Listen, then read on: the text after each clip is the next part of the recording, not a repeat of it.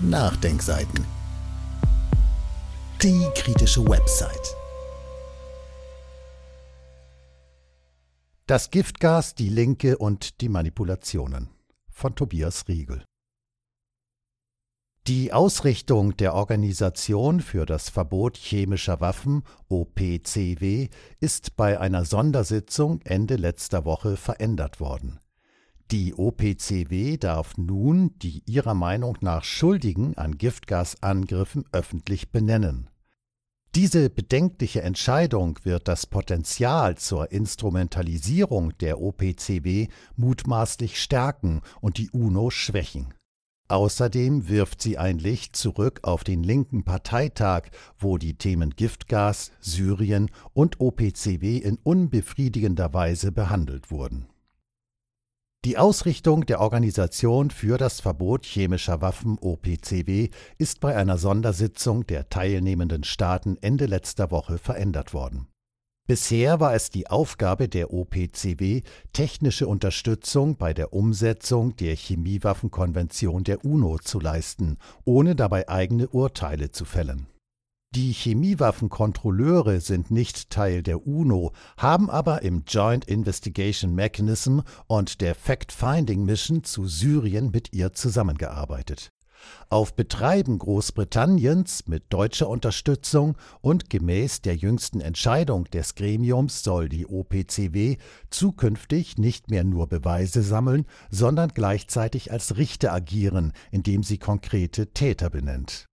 Diese Entscheidung ist, wie unten ausgeführt wird, bedenklich und sie beleuchtet nochmals den Parteitag der Linken und dort zutage getretene Konflikte um die Haltung zu Syrien, zur OPCW und zu den angeblichen Giftgasattacken. Auftritt Jan van Aken Gefühle statt Geopolitik. Es war nur eine ganz kurze Szene beim vergangenen Parteitag der Linken. Aber der Auftritt des Außenpolitikers Jan van Aken zu den angeblichen Giftgasattacken, die im April Raketenangriffe durch die USA, Frankreich und England gegen Syrien rechtfertigen sollten, beschäftigt bis heute viele Leser der Nachdenkseiten und er verdeutlicht, dass es in der Linkspartei nicht nur Konflikte um die Migrationspolitik gibt, auch der Kurs gegenüber Russland und Syrien ist umstritten. Innerhalb des Artikels finden Sie zahlreiche weiterführende Verlinkungen. Das äußerte sich beim Parteitag etwa anlässlich eines Antrages mit dem Titel Frieden in Europa, Schluss mit der Gewalt in Syrien und im Nahen Osten. Darin heißt es in einem Absatz, der konkret Bezug auf die US-geführten Raketenattacken gegen Syrien im April nimmt, Zitat die Raketenangriffe der USA, Frankreichs und Großbritanniens auf Syrien haben die Menschheit erneut an den Rand eines weltweiten Krieges gebracht. Ein unmittelbares militärisches Aufeinandertreffen in Syrien zwischen den USA und Russland war und ist nicht ausgeschlossen. Die Angriffe auf Syrien waren völkerrechtswidrige Kriegshandlungen und nicht, wie die Bundesregierung behauptet, eine berechtigte Strafe gegen Syrien. Bis heute ist nicht aufgeklärt, ob, wie behauptet, Giftgas in Syrien eingesetzt worden ist. Zitat Ende. Konstruierte Gleichstellung des Westens und Russlands.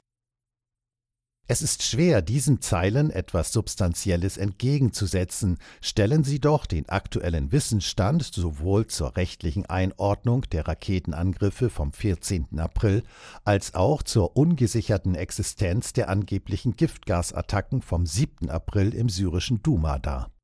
Doch wo die Substanz fehlt, konnte Jan van Aken die Gefühle ins Spiel bringen.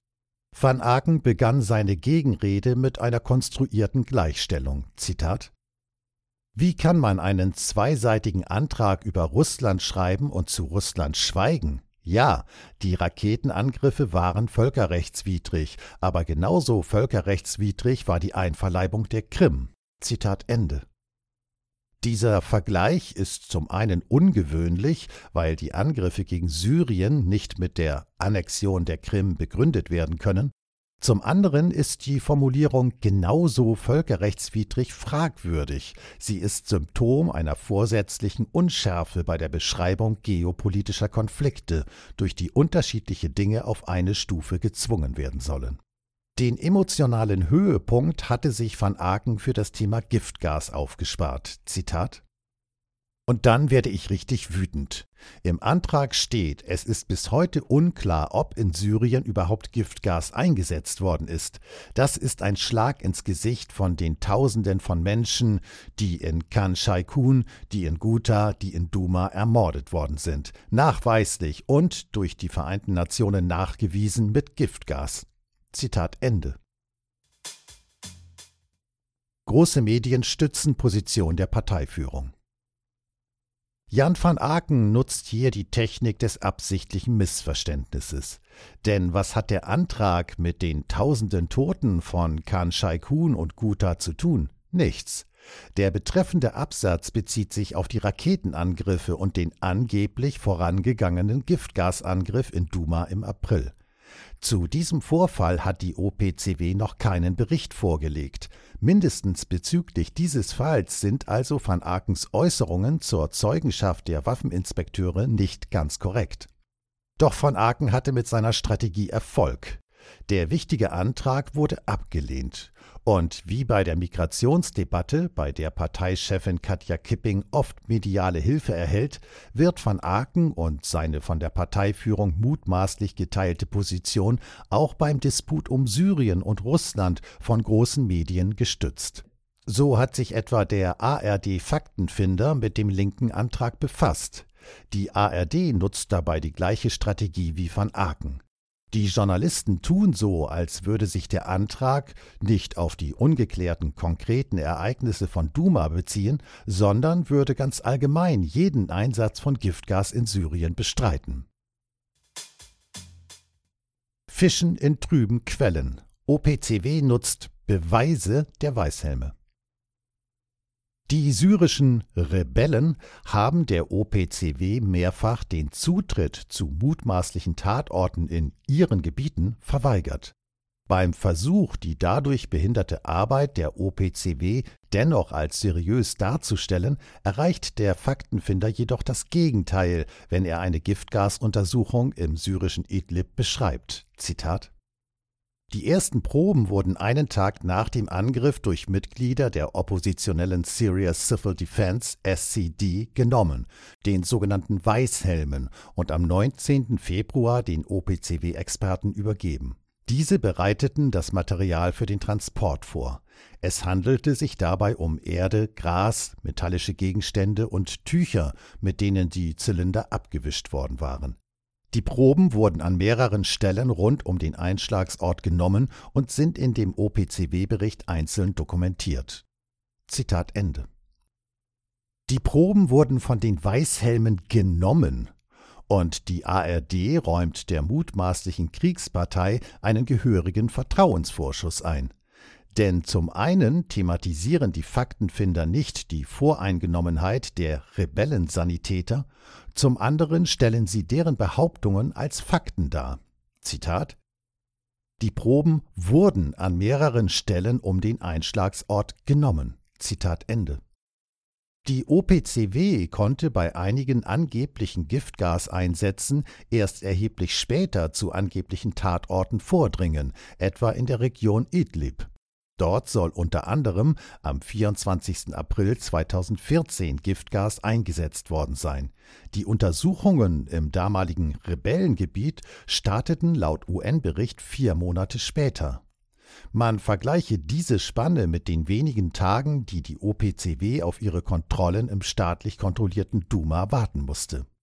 Das Ausbleiben eines medialen Einforderns einer seriösen Beweiskette und zeitnaher Untersuchungen vor Ort sowie eine unangemessene Kulanz gegenüber einer präferierten Kriegspartei sind weitere Symptome der oben beschriebenen vorsätzlichen Unschärfe. Wird die OPCW instrumentalisiert? Nicht nur im Fall Duma ist die Täterschaft also noch unklar.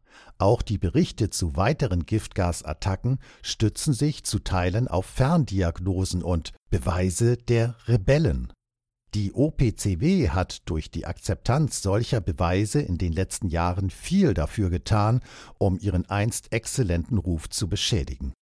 Es ist nicht überraschend, dass diese Vorgänge in deutschen Medien nicht thematisiert werden und man detaillierte Artikel zur mutmaßlichen Parteilichkeit der Waffeninspekteure, etwa beim Fall Idlib, beim russischen Sender RT suchen muss. Trotz der hier vorgebrachten Kritik an der mutmaßlichen Instrumentalisierung der OPCW für geopolitische Zwecke soll betont werden, dass bei dieser Organisation auch zahlreiche aufrechte Menschen eine wichtige Arbeit verrichten. Bei dem der OPCW innewohnenden Potenzial der Instrumentalisierung wundert es nicht, dass auch das Auswärtige Amt AA und sein Chef Heiko Maas den britischen OPCW-Vorstoß unterstützt haben. Schließlich erleben wir, Zitat, in den vergangenen Jahren eine grausame Renaissance der Chemiewaffen, Zitat Ende, so Maas in einem Interview.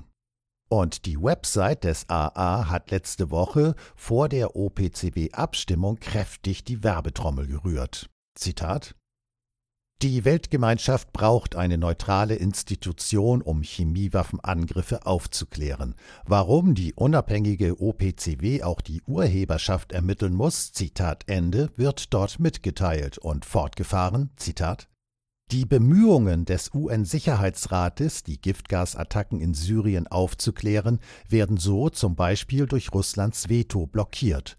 Solange es keine neutrale Ermittlungsinstanz gibt, fällt es den Verantwortlichen leicht, mit Propaganda und Falschinformationen die Verantwortung von sich zu weisen. Zitat Ende.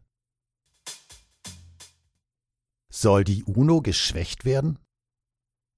Nicht zuletzt schwächt die Stärkung der OPCW potenziell die UNO, weil sie den Vereinten Nationen nun nicht mehr nur mit Beweisen zuarbeitet, sondern sich den UNO-Gremien vorbehaltene Urteile anmaßt, wie auch der Leiter der russischen OPCW-Delegation Georgi Kalamanow erklärte. Der britische Antrag stelle einen direkten Angriff auf, Zitat, die exklusiven Vorrechte des UN-Sicherheitsrates dar. Zitat Ende. Er fügte hinzu, dass damit auch, Zitat, die Autorität der OPCW und die Integrität der Chemiewaffenkonvention, Zitat Ende, untergraben werde. Ein von Russland vorgeschlagenes Gremium unter dem Dach der UNO, das die von Russland abgelehnte Praxis des Joint Investigation Mechanism ersetzen sollte, wurde im Sicherheitsrat nicht angenommen. Künftig werden die dominierenden OPCW-Staaten bei Umgehung der UNO Kriegseinsätze mutmaßlich mit den Urteilen ihrer Inspektionen rechtfertigen können, und kein Veto wird solche Pläne dann noch stoppen können. Es ist schade, dass die Delegierten der Linken nicht den Mut fanden, gegen all diese Entwicklungen ein konsequentes Zeichen zu setzen. Dieses Audio konnte nur entstehen, weil zahlreiche Leser und Leserinnen die Nachdenkseiten fördern und durch Spenden unterstützen. Wenn Sie auch etwas tun wollen, klicken Sie einfach den entsprechenden Button auf unserer Website an. Übrigens, Sie können uns auch bei iTunes, SoundCloud und YouTube hören und wenn Sie mögen, gerne unseren Kanal abonnieren und eine positive Bewertung für uns abgeben. Wir freuen uns über Ihre Unterstützung und die Weiterverbreitung unserer Inhalte.